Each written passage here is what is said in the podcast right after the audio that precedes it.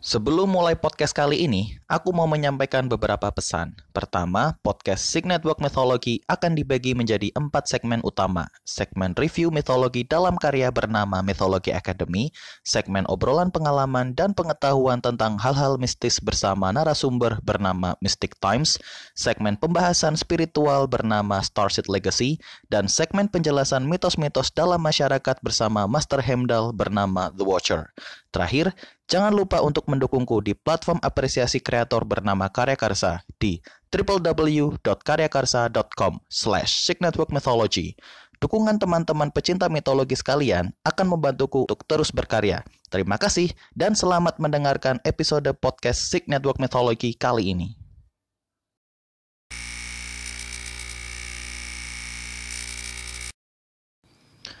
Halo semuanya, salam Starseed. Namaku Sik Aikis. Selamat datang di semesta Sik Network Mythology.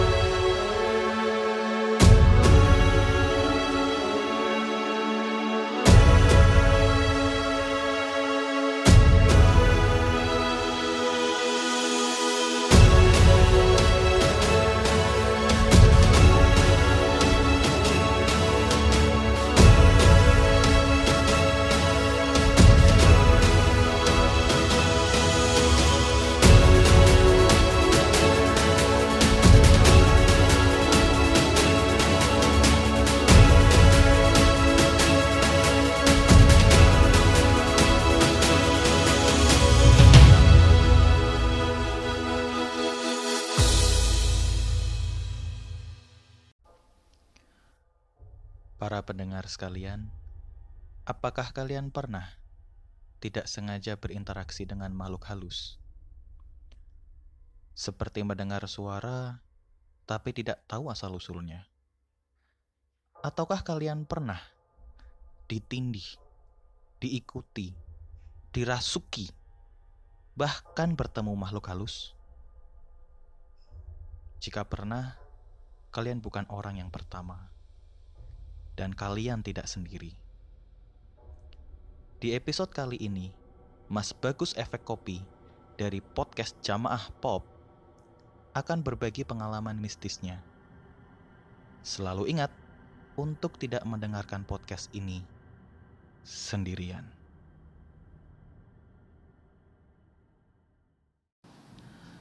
Halo semuanya, uh, sesuai dengan tema podcast kali ini, Uh, di sebelahku sudah ada Mas Bagus dari podcast Jamaah Pop. Halo. Ya. Jadi baru kali ini di present dengan apa namanya nama podcast sendiri biasanya atas nama kantor atau gimana gitu. Lo kan emang punya sendiri Iya.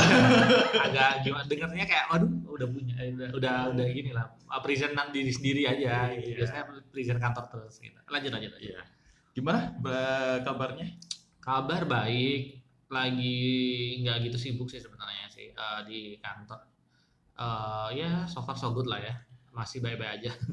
uh, emang ada project yang lagi dikerjain gitu dalam waktu dekat ini? Project harus selalu ada ya, biar dapat duit terus kan kantor. Oh, iya, benar sih, ada lagi ada ngerjain komik juga, terus ada project lain lah di Blok M atau dari kantor juga sih itu yang lagi ongoing jadi hmm. tunggu aja untuk uh, kabar baiknya nanti dari dunia komik ya oke siap Nah ini uh, ini kan kebetulan uh, podcastku memang membahas ranahnya itu sebenarnya mitologi, supranatural, spiritual, dan emang agak-agak nyerempet mistis pak. Hmm. Gitu.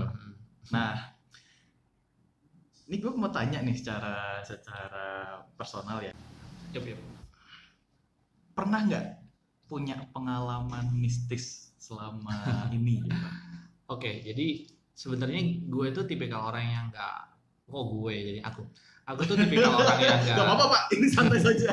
aku orang Jawa juga, aku orang Jawa juga. Oke okay, oke. Okay. Aku sebenarnya bukan orang yang peka terhadap hal-hal yang uh, berbau supranatural, uh, dulu sebenarnya penakut cuman lama-lama karena tidak pernah melihat jadinya nggak jadi nggak takut gitu karena karena nggak pernah lihat aja gitu kan terus hmm. uh, cuman yang lucunya adalah ketika pindah ke ke kantor ini kantor jadi kita lagi di kantor Pionikon ya di Tebet jadi setelah pindah ke kantor ini tuh uh, mungkin karena akhirnya bertemu orang-orang yang bisa melihat gitu akhirnya jadi uh, tahu bahwa kemarin-kemarin beberapa waktu lalu mungkin start dari tahun kemarin sampai sekarang itu tuh kayak beberapa kali tuh istilahnya ketempelan. Oh gitu ketempelan. Itu agak lucu juga sih. Lucunya karena gini uh, jadi kayak waktu itu kan kita punya istilahnya kayak kayak semacam OB OB-nya itu adalah uh, Bu RT-nya sini sendiri kan. Oh I see. Nah jadi uh, kan biasanya kan minta tolong pijitin gitu kan karena emang sering begadang di, di kosan kan karena nggak hmm. bisa tidur gitu kan. Habis itu uh, lagi bu tolong dong bu dipegel gitu kan minta tolong dipijitin gitu kan oke. Hmm. lagi dipijitin tiba-tiba weh gitu kan ibunya kenapa? gitu tiba ditepok kencang cetok gitu kan kenapa nih gue terus kayak itu setelah itu dijelasin kalau tadi sebenarnya ada yang nempel makanya berat gitu kan hmm. kayak gitu sih. Uh, itu tuh kayak beberapa kali soalnya. Uh, kejadian tuh itu cukup aneh juga sih. Kenapa akhirnya sampai tiga kali tiga kali tapi yang nempel empat empat empat kayaknya. Ya itu yang ter, ter ini ya ter, terdokumentasikan atau ter, terdata ya. Soalnya uh, itu itu berdasarkan confirm. Confirm dari orang-orang uh, yang bisa melihat. Bukan kayak gue pegel tiap pegel gue bilang kalau itu tuh uh, aku ketempelan gitu kan. Hmm. jadi uh, kebetulan juga ada itu Ai Ai itu cewekku juga. Dia itu bisa melihat gitu dia punya indera keenam lah untuk bisa melihat hal-hal yang supernatural gitu kan. Jadi pernah waktu itu pagi-pagi habis bangun tapi habis nginep di kantor ini terus kayak video call gitu tiba-tiba dibilang kamu lagi sama siapa? gitu padahal sendirian gitu. kayak ah siapa? Nggak ada aku sendirian. Gitu. ternyata ada yang lagi di belakang gitu lah gitu. terus ya gitulah untuk tempelan. Sebenarnya itu misteri juga untuk kenapa aku bisa sampai ketempelan terus gitu kan. Karena aku sendiri sebenarnya nggak peka gitu loh orangnya. Nah terus ada cerita lagi sebenarnya selain ketempelan gitu. Uh, jadi uh, mungkin dua bulan dua bulan kemarin atau tiga bulan kemarin pokoknya di rentang waktu tiga bulan terakhir aku tuh sempat uh, sebenarnya kosanku tuh horor ya. Cuman karena yang menempatin itu tuh aku dan temanku satu lagi dia anak kantor juga mm-hmm. dia itu orangnya nggak nggak ini cuek. Aku juga akhirnya cuek juga. Jadi nggak nggak mm-hmm. peduli ada fenomena apa yang terjadi di di kosanku tuh aku nggak peduli gitu loh. Mm-hmm. tapi kalau dari penerawangannya si Ai yang pernah mampir ke sana itu memang serem banget sebenarnya gitu. Terus uh, waktu itu kapan ya? Uh, waktu itu aku lagi duduk sendirian di sofa rumah sendirian. Mm-hmm. terus aku lagi uh, main HP lah. Aku lupa lagi ngapain. Main HP pokoknya. Lagi nonton atau lagi apa lagi duduk di sofa terus kayak kayak ada suara suara tuh kayak kayak suara ja, kayak suara serangga gitu loh. Kayak nging nging nging nging nging gitu. I see. Nah okay, itu okay.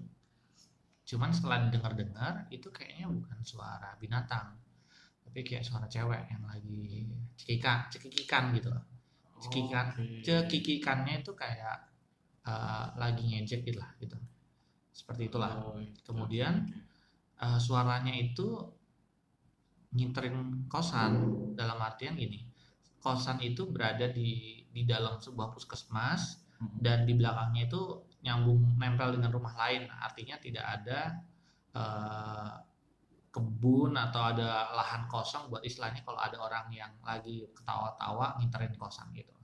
Yang makin lama tuh suaranya makin mengecil lah gitu. Terus kayak oh ya udah hilang. Habis itu sempat ngetweet juga tuh kayaknya. Kayaknya barusan gue dengar suara orang ketawa ngiterin kawasan kayak gitu cuman kayaknya terlalu capek untuk peduli gitu kan terus dia aku bilang kayak gitu mm-hmm. terus setelah itu terjadilah fenomena ketindihan tapi nggak langsung ya mm-hmm. uh, nyebelinya adalah dalam satu minggu terjadi sekitar dua tindihan ketindihan secara langsung gitu lah. Uh, dua kali tindihan dalam satu minggu. Terus okay. kalau terus nggak selang berapa lama akhirnya ketindihan yang terakhir itu.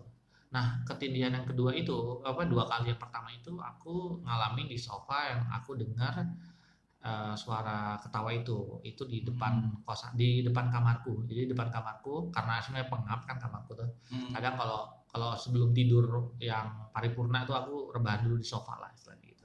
Okay. terus uh, lagi tidur gitu kan emang lagi lagi tidur kan karena dalam lagi sumuk aja gitu terus hmm. kalau nyalain kipas angin kena kena masuk angin nanti takutnya. Oke. Okay. kemudian uh, lagi tiduran di situ udah maksudnya udah dalam keadaan tidur terus mimpi gitu. Mimpi mimpi terus kayak kita lagi mengelilingi gitu aku lupa ada siapa di situ ada orang lain saya bilang e, aku nanya kalau jadi ya set apa hantunya di mana? Tolong tunjukin. Terus tangannya anak itu tuh kayak menunjuk sekitar kayak lagi ngikutin terus tiba-tiba tangannya berhenti di ke aku nunjuk ke aku. Dan kemudian seketika aku langsung kebangun kayak tindihan langsung tindihan. Wait wait itu anak anak siapa itu? Nggak tahu dan itu settingnya bukan di ini makanya di suatu tempat lah maksudnya kayak kayak kayak kita lagi kayak mengalami oh, kalau kondisinya mimpi? Mimpi mimpi. Okay. mimpi dalam mimpi. Jadi akar mungkin gini ya mungkin karena aku tidak bisa melihat hmm. dilihatinya mungkin via mimpi gitu aja. Oh, terus okay. uh, dalam mimpi itu pokoknya kita lagi kayak ngomong mana setannya itu? gitu atau mana makhluknya atau apa gitu terus kayak dia kayak lagi mencari-cari tangannya mencari-cari tiba-tiba waktu berhenti di aku tuh langsung dek aku tuh ba kayak kayak bangun badanku nggak bisa digerakin hmm. kemudian karena aku udah sering dengar-dengar gitu lah dengar-dengar hmm. bagaimana mengatasi sleep paralysis hmm. uh, abis itu ini uh, coba gerakin dari tangan dulu nih hmm. gerakin tangan terus uh, pelan-pelan lama-lama uh, ini uh, bisa lah udah bisa bergerak dan ketika udah mulai sadar kan kayak kebangun dari mimpi lagi kan. Hmm. nah itu tuh kayak bingung tuh antara ini tadi benar mimpi atau kejadian gitu. Kayak emang ada ininya gitu. Terus yang kedua itu dalam minggu yang sama ini lebih ini lagi sih. Lebih looks real banget itu karena aku lupa adegan lengkapnya gimana. Cuman uh, uh, ini uh, aku tuh lagi dalam kondisiku yang sekarang aku lagi aku melihat dengan kondisiku tiduran gitu terus kayaknya ada ada ada yang menyergap atau apa gitu terus akhirnya aku langsung tindihan lagi kan. Hmm. terus kayak kayak gitu atau atau gimana gitu. Aku lupa ada adegan apa yang membuat akhirnya aku terbangun tapi aku kondisinya adalah sama seperti aku posisi tidurku gitu. Jadi kalau mimpi ini looks real banget gitu. Terus hmm. kayak ya sama aku melakukan hal yang sama cuman itu mulai kesel tuh maksudnya kayak mulai kesel tuh kayak gitu kenapa sih kayak kayak gini kayak gini lagi sih gitu kan. Bikin capek mau tidur tuh nggak enak banget. Gitu kan kayak uh, jadi parnoan terus badan juga nggak enak gitu kan. Hmm. terus ya udah yang ketiga ini sih yang akhirnya aku tuh melihat sosoknya gitu. Uh, jadi aku tidur mungkin sekitar jam jam 2 atau jam 3 gitu hmm. terus tidur di kamar dengan kondisi lampu mati kan hmm. memang biasanya begitu tidur kemudian uh, ya ada terlelap kemudian sama melihat dengan kondisi yang posisi yang sama dengan waktu aku tidur cuman kan di aku kan kayak tidur ke samping kan nah di di di atas kemudian di kepalaku di samping kepalaku artinya yang kalau kepala ke atas lah kalau lagi posisi tidur itu sebenarnya tembok terus kemudian ketika ketika uh, uh, tidur itu kemudian kayak aku melihat dengan uh, apa yang aku lihat ketika tidur terus dari atas itu yang artinya dari tembok itu hmm. uh, apa namanya keluar bayangan dua dimensi jadi jadi bentuknya bukan kayak orang gitu ya tapi kayak kertas gitu loh hmm. kertas dengan bentuknya adalah seperti kalau tahu uh, apa lukisan scream yang yang gini loh yang kayak oh gitu loh oh lukisan scream scream Van Gogh bukan sih bukan bukan Van Gogh cuman uh, painting itu sebenarnya ada kalau iya kayak ada orang kayak teriak, uh, teriak gitu, gitu, ya? kan, gitu. Oh, okay. kayak gitu dan bentuknya dua dimensi gitu dua dimensi dan dan kayak dia kayak uh, gitu kan gitu. terus habis itu Anjir, serem. kayak sepersekian detik terus habis itu langsung langsung sleep paralysis lagi dan apa namanya uh, seperti biasa kan kayak aku udah tahu posisinya kayak gimana harus Eh, pelan-pelan gerakin tangan terus kemudian terlepas gitu kan terus kayak aduh kesel gitu. Dan ternyata itu cuma berlangsung selama dua jam aja gitu. Jadi mungkin sekitar jam 4 atau jam setengah lima gitu aku kebangun lagi dan aduh kesel banget gitu. Karena badan lagi capek tapi malah kena yang begituan gitu. Oh, I see.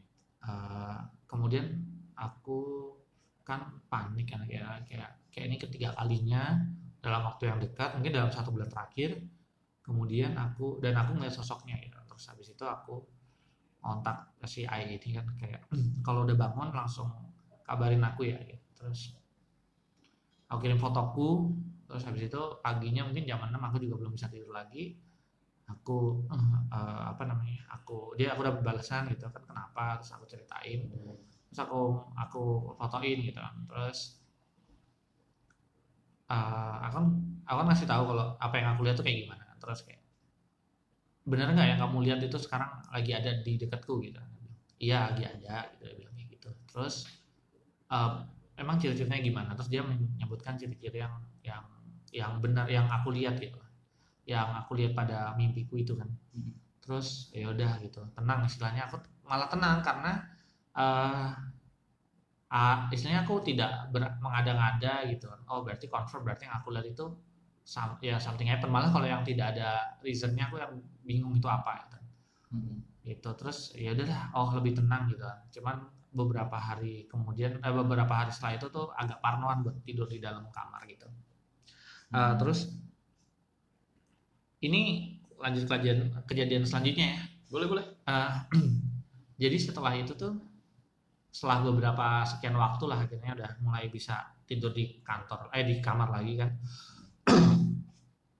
Uh, sempat waktu itu diajakin teman kan ayo uh, PUBG mabar mabar PUBG main bareng di uh, maksudnya online bareng terus nanti kita satu tim gitu kan. Terus hmm.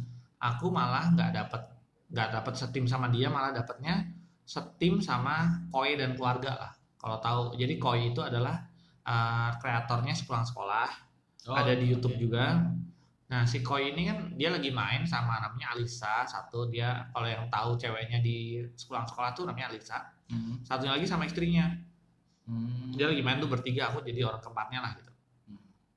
Dari situ kan ada ada grup chat juga kan ada bisa ngobrol-ngobrol di situ juga kan. Hmm. Akhirnya kita ngobrol-ngobrol tuh dari bercandaan serius gitu kan terus kayak nanya-nanya Gus uh, oh nggak sebelumnya ada ini juga ditanya eh lu pada ada denger ini nggak? Sesuatu nggak sih? Kayak kayak ada kayak disangga gitu deh enggak apa? Terus yang lain juga bilang gitu. Iya nih gue denger juga nih bertiga orang bertiga itu dengar gitu. Terus kayak aku bilang enggak gue gak denger apa apa kan gue beda sama tempat lu gitu. Hmm. terus habis itu uh, ya udah kita main lagi lah. Main asik nanya-nanya kabar. Terus si si Ikoy tanya kabar gitu. Gimana gus kabarnya? Gitu kan. Nah nih gue mau cerita nih. Jadi ceritanya kemarin tuh gue bisa ketindihan gini gini gitu. Terus kayak gue ceritain uh, aku ceritain juga yang soal aku tuh yang sebelumnya itu diketawain hmm. di kosan gue itu yang ada suara ketawa keliling itu oh iya oke okay. nah terus dia bilang bentar-bentar gus suaranya itu kayak gini nggak dia niruin suaranya dan persis kayak yang aku tadi contohin itu kan anjir habis itu Oh, kok lu tahu gitu? Nah, itu Gus itu yang kita dengar tadi gitu. Dia bilang kayak gitu. Terus istrinya mengkonfirm gitu kan. Iya, itu Gus kita juga dengar kok tadi gue juga dengar gitu. Dia bilang kayak gitu serius loh gitu kan? Iya gitu. Uh, ya, tapi suaranya nggak bukan kayak ketawa sedih gitu tapi kayak suara nyinyir gitu. Kayak gitu ya. Kayak, kayak kayak ketawa nyinyir gitu loh. Oke. Okay. kayak ketawain ketawain iseng gitu loh. Kayak kayak okay. bukan kayak gimana gitu kayak kayak gitu. Kayak bukan nakutin gitu ya tapi lebih ke Is, ya ketawain nyinyir atau iseng uh, gitu lah nyinyir ya oke. Okay. terus kayak kayak gitu kan terus uh, serius lo gitu kan. Iya serius gitu kan. Waduh gue sendirian di kosan gitu kan. Udah nggak apa-apa lah main aja kita main aja main aja. Terus uh, kan mereka ber, main bertiga. Hmm. satunya itu di emulator pakai pakai laptop kan. Hmm. terus kita uh, lagi main. Akhirnya aku dengar juga tuh suaranya tuh. Suara ketawanya masuk karena satu salah satunya pakai pakai pakai laptop lah. Hmm. keluar jadi dia nggak pakai headset akhirnya dengar dengar suara apa suaranya keluar dari PC-nya itu apa laptopnya itu dan masuk ke ke, ke mikrofonnya si uh, Koi dan istrinya gitu kan. Terus si Koi juga confirm ya ini gue barusan dengar lagi nih Gus gitu iya gue dengar juga gitu. Dari apa namanya kayaknya eh gue dengar juga nih soalnya ada yang pakai PC kan si Alisa gitu. Okay. gitu dan ya begitulah ceritanya sih. Uh, oh ya si Ai waktu ini ya waktu setelah gue kasih lihat foto gue itu kan hmm. itu dia dia bilang gitu. Ya bilangnya sih ngeselin sih jadi kayak oh tenang aja itu bukan yang paling serem gitu dia bilang gitu. Oke okay, ternyata bukan yang paling iya, serem. iya dan, dan sebenarnya ini nggak aku ceritain ke temanku yang satunya. Jadi kita sebenarnya di kosan tuh cuma ada tiga. Aku sama temanku yang satu kantor sama satunya lagi yang punya. Saya yang punya ini kemudian temanku juga dulu satu kantor. Cuman uh, daripada uh, kosannya rumahnya kosong lebih baik dikosin aja gitu kan oh, nah okay. terus uh, dia tuh lagi hamil dan dia tuh penakut oh. jadi kayak aku nggak nggak berani buat cerita ke dia dia lagi sama suaminya di di di rumah itu juga hmm. cuman buat temanku juga nih yang yang pernah di di kosan itu juga hmm. itu tuh dia juga pernah dilihatin perempuan mungkin kuntilanak hmm. gitu terus uh, sama konsepnya adalah dia melihatnya itu dalam mimpi gitu kan lagi diketawain tidak langsung terus tiba-tiba dia terbangun gitu. Karena dulu di atapnya itu di ini kan di langit-langitnya tuh masih ada yang ini uh, masih ada yang bolong gitu lah belum ditambal jadi uh, ngintip dari situ kemudian dia lihat dan ketika lihat sadar dia terbangun gitu lah jadi uh, garis lurusnya adalah gini sama-sama kita ngelihatnya di dalam mimpi bukan secara langsung gitu hmm. mungkin kalau yang tidak peka kayak aku gitu kan hmm. untuk untuk tidak peka secara visual mungkin kalau pendengaran mungkin bisa lah ya hmm. Secara visual mungkin bisa ya paling bisa aja dilihat diperlihatkan melalui mimpi hmm. makanya setelah kejadian itu tuh agak agak paranoid juga buat tidur cepat gitu kalau nggak emang capek banget aku nggak tidur gitu hmm. soalnya aku sebelumnya dengar podcastnya si Raditya Dika sama Ari Lasso juga karena Ari Lasso itu kan dia tidak peka untuk melihat kan mm-hmm. dan dia ditindihin oleh kuntilanak juga di dalam mimpi dilihatinnya gitu mm-hmm. bukan dalam uh, apa namanya dalam ya ketika dia sadar gitu makanya aku jadi oh berasal dari sana itu sih terus ya pernah ada indigo juga sih yang yang ke sini kita ngobrol-ngobrol gitu aku tanya kenapa sih kalau uh, apa namanya kok aku sering aku tuh gak peka cuman uh, kenapa sering ketempelan gitu. Hmm. Katanya adalah karena uh, auraku gelap. Gelap tuh gini, tiap kalau gelap itu karena ada pikiran, ada sedih, ada mendem perasaan dan lain-lain hmm. gitu. Itu yang bikin kayak istilahnya orang jadi galau lah. Nah, hmm. Nah galau itu akhirnya cenderung untuk menarik makhluk-makhluk uh, lain untuk mendekat, untuk menempel.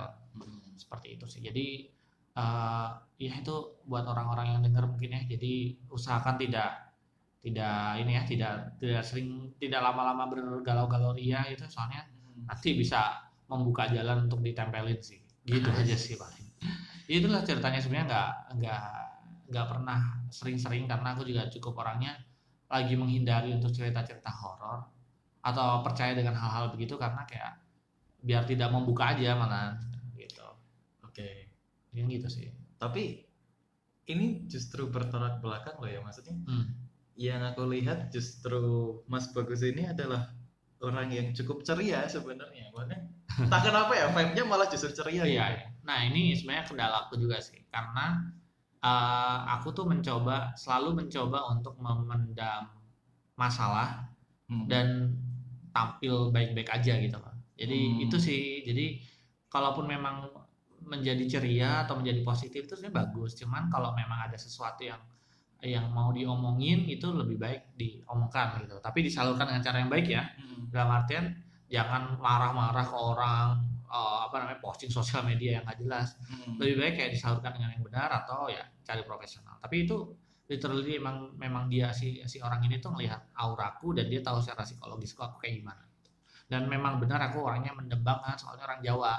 Oh, orang ya, Jawa kan kayak, kayak kayak kayak banyak mendem gitu loh nggak enakan dipendem gitu kan. mau ngomong mau ngomong kan soalnya nggak enakan. Orang iya. pekewuh lah gitu kan. Orang Jawa pekewuh gitu. pekewuh ya istilahnya pekewuh ya. Iya gitu, gitu sih kalau aku. Berarti ada kejujuran yang ditahan berarti ya? Maksudnya banyak banyak. Kalau iya, kalau aku sendiri memang banyak. Soalnya ya aku banyak ya. Aku beberapa kali kayak uh, mau posting sesuatu tuh kayak mikir dulu nih ini kayaknya orang nggak suka deh sama postinganku kan. Terus kayak uh, mungkin uh, mungkin kayaknya udah nggak relevan deh atau mungkin cetek deh kayaknya pemikiranku gitu hmm. kayak gitu sih aku nggak berani berkonflik dengan orang akhirnya ya lebih banyak mendem kayak gitu sih Nah, Tapi justru dari situ yang akhirnya diikuti akhirnya, maksudnya ya, bukan, ya. I mean bukan ketempelan sih, tapi lebih diikuti gitu karena sebenarnya proses untuk bisa sampai ditempeli itu hmm. se sejauh yang aku tahu hmm. ini dikonfirm sama beberapa maksudnya di beberapa grup di sini grup terselubung ya yeah, maksudnya yeah. grup terselubung tapi ini diakui sama pemerintah Oke. Okay. benar diakui pemerintah. Oh gitu. Oke nah, oke. Okay. Nah di grup ini pernah bilang kalau uh, yang namanya orang ketempelan itu biasanya nggak langsung serta merta dia langsung ditempelin gitu. Ada semacam proses. Hmm. Ada semacam proses. Yang pertama adalah mungkin mencocokkan frekuensi. Ah, oke. Okay, okay. Jadi kan karena jadi kan tadi uh, siapa yang bilang auranya gelap itu? Uh, teman lah ya. Ada. Indigo. Ada. Ya ada teman indigo lah ya bilang teman gitu.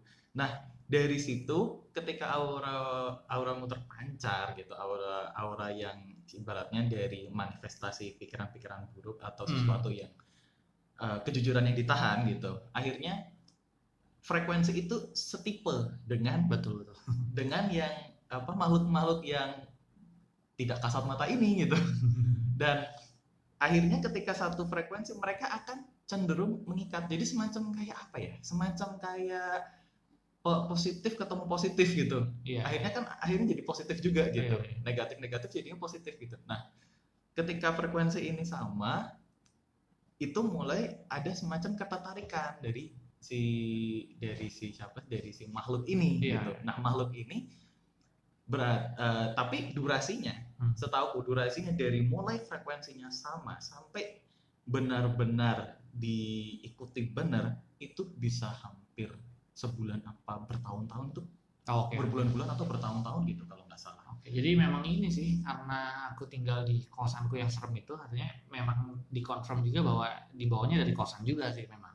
Hmm. Gitu ya. Jadi jadi memang karena aku tinggalnya udah setahun lebih lah hmm. di sana jadi ya mungkin ya emang emang prosesnya lama iya gitu. jadi nggak ser yang salah di orang-orang adalah oh. ketika di mereka merasa ditempeli itu kejadiannya baru itu aja padahal sebenarnya prosesnya tuh udah lama banget hmm. cuma memang semacam kayak uh, boomnya besarnya itu pada saat itu hari itu okay. gitu bahkan ketika kayak misalkan kesurupan hmm. itu di, mulai diikutinya bertahun-tahun berbulan-bulan okay. Jadi kayak nggak serta merta wah ini ada orang disurupin ah gitu ya setan juga mikir-mikir kali itu maksudnya oh, mau yeah. nyurupin siapa gitu nah itu sih yang yang yang bisa aku jelasin ini terus uh, terkait dengan uh, terkait dengan suara eh terkait dengan sosok ya. Hmm. Kalau sosok sebenarnya emang rata-rata nih ya. Ini hmm. ini bukannya gimana gimana bukannya mengada-ngada, yeah. tapi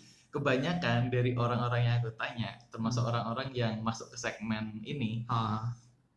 itu pasti ketemunya kuntilanak. Oh gitu.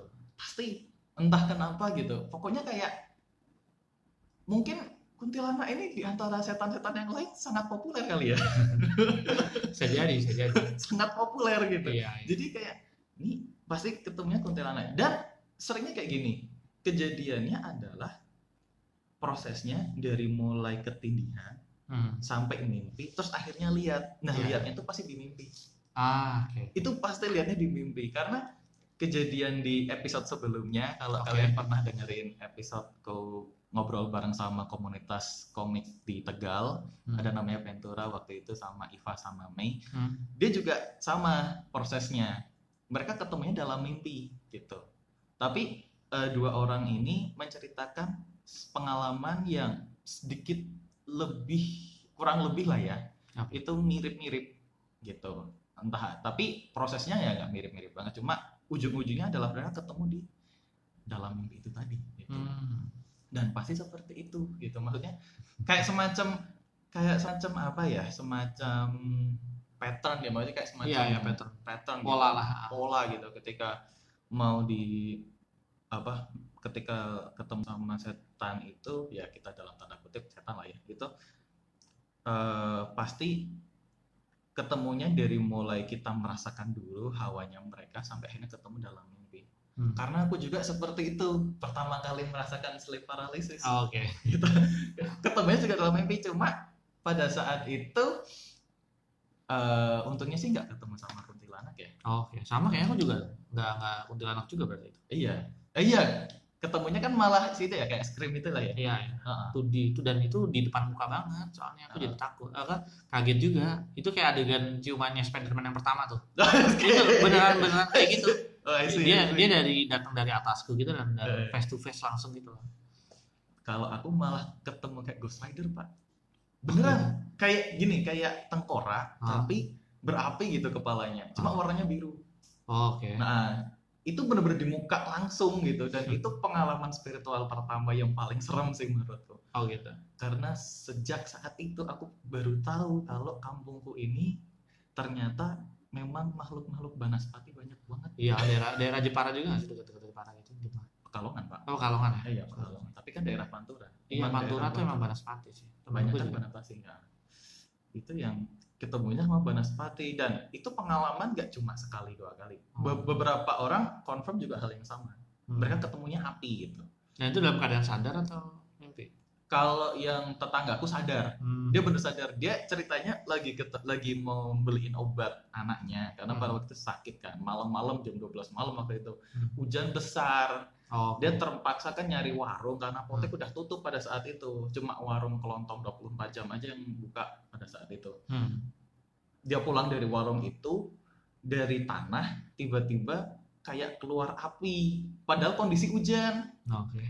Itu apinya kayak nggak padam sama sekali. Di situ dia langsung lari ketakutan. Itu kayak pernah lihat ini gak sih? Yuki Darumanya si Goku gitu. Oke oh, oke. Okay, okay. Kayak bener-bener bola api gitulah. Hmm langsung lari langsung langsung lari ke rumahnya dan itu tuh cerita itu tuh akhirnya uh, mengkonfirm pengalamanku sendiri ketika aku pertama kali ngalamin sleep paralysis ketemu sama mati gitu jadi kayak semacam apa ya semacam kayak uh, uh, apa ya pembuktian lah kalau memang daerahku tuh banyak kan Banaspati. Hmm. Tapi ini yang baru tahu nih emang rata-rata daerah Jawa Tengah Banaspati ya ternyata. Iya, Pantura sih. Temen gue Jepara juga Pantura berarti. Jepara, hmm. Jepara, Jepara. Pokoknya aku dapat nah. cerita-ceritanya dari temanku yang di Jepara itu juga. Oh iya Jepara juga ini Jepara itu kalau nggak salah juga Pantura kalau nggak salah. Iya, maksudnya Pantura. Soalnya dengerinnya koplo. Oh. Jadi tahu. Tapi dari daerah Pantura lah itu. Oke, okay. daerah Pantura okay. ya. Terus uh, ini uh, bentar deh. Oke, tadi sempat kepotong karena ada suara azan. Karena sebagai seorang yang taat dengan agama, kita masih dengerin azan dulu. supaya tidak dihinggapi dengan makhluk-makhluk yang tidak diinginkan. Oke. Nah, uh, ini terakhir ya dari terakhir dari uh, apa episode kali ini kan uh, Mas Bagus ini uh, bekerja di ranah industri kreatif. Ya, betul. Terus juga podcastnya tentang industri kreatif juga gitu iya. kan. Kapan saya kira-kira jadi tamunya? iya nih lagi sebenarnya kemarin tuh lagi kontennya lagi lagi habis gitu bahkan minggu kemarin tuh nggak ngepost gitu terus kayak gatel aduh kan minggu ini harus ngejar ngejar ini deh ngejar beberapa podcast kita Isi. hari ini makanya habis ini kan soalnya mau ngetek juga kan oke okay, gitu. okay. jadi hari ini sebenarnya udah udah cukup nge, apa ngetek orang-orang buat ngajak podcast kita ah, isi. nah yang mau aku tanyain adalah karya genre horor di hmm. Indonesia yang menurutmu terseram atau terbaik Oke, okay. jadi sebenarnya disclaimer dulu ya, aku lagi tidak banyak membaca komik ya walaupun dikerja di dunia komik. Jadi ya, kayak, bukan komik juga sih, atau uh, semuanya, atau semuanya. Uh, itu semuanya gitu. jadi uh, ya disclaimer jadi kalau aku kadang tidak membaca komik yang pertama itu. Hmm. Jadi jadi kayak pekerjaan sekarang kalau baca komik tuh bukan kayak ada kehilangan funnya lah pokoknya. Paling hmm. aku jadinya melihat film atau uh, ya ya jadinya kayak lihat film paling yang paling jadi referensi utamaku gitu kan atau ya komik-komik zaman dulu sih. Hmm. Kalau aku bisa bilang untuk komik sih aku uh, mention ke komikusnya soalnya dia hmm. uh, komiknya banyak dan aku lupa judulnya karena udah lama. Jadi hmm. sebenarnya komik-komiknya Kajati. Oh, itu tuh Kajati. itu tuh dia itu bisa menyampaikan kehororannya tapi bukan dari dari dari sosoknya menyeramkan pembangunan suasana.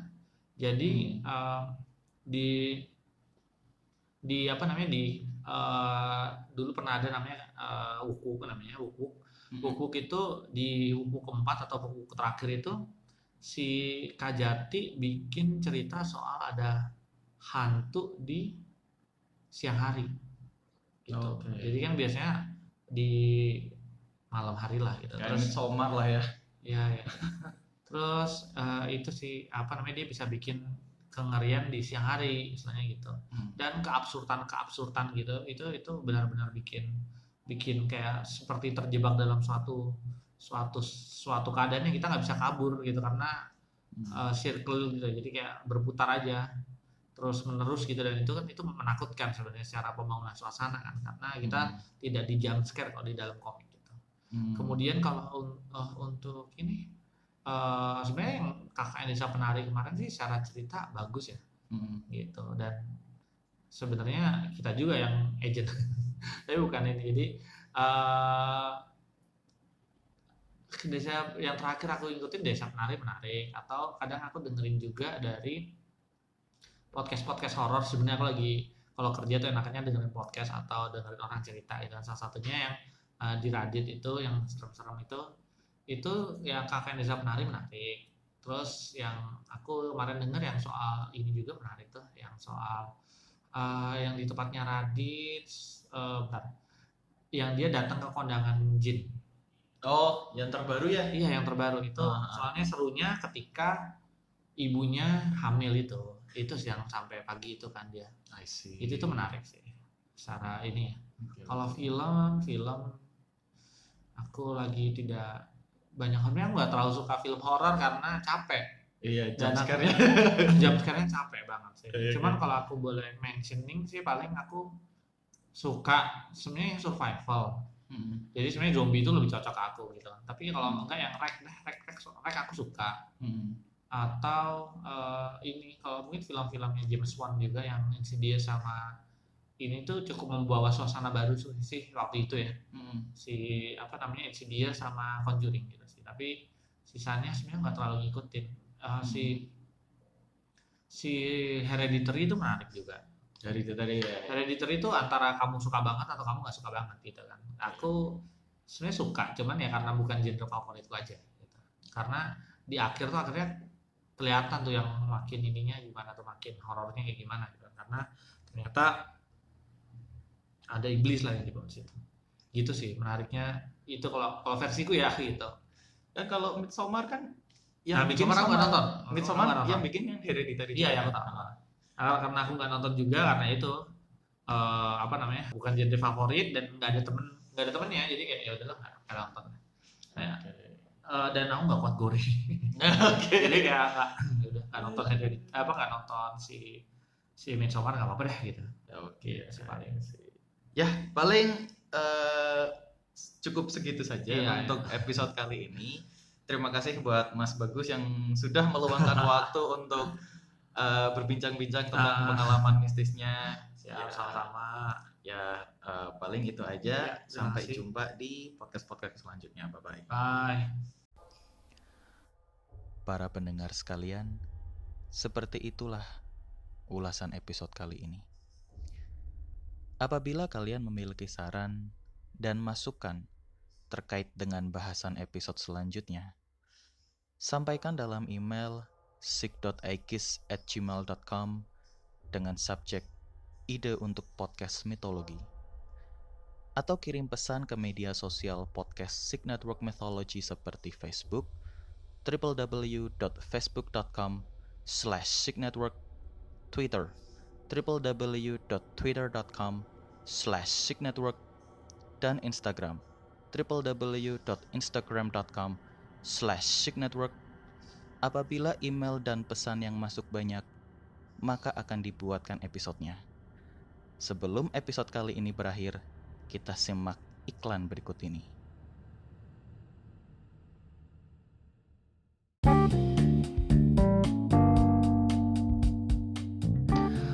Podcast ini dipersembahkan oleh Salon Kecantikan Dewi Afrodit, Aurania Beauty Salon. Salon kecantikan yang bisa mengubah Medusa menjadi Madonna. melayani segala macam treatment kecantikan mulai dari potong rambut hingga makeover dengan harga terjangkau. Terbukti membuat para dewa jatuh hati. Segera kunjungi salon kecantikan Dewi Afrodit Aurania Beauty Salon di Jalan Venus nomor 2, Kota Elysium. Aurania Beauty Salon, salonnya para dewi dan bidadari.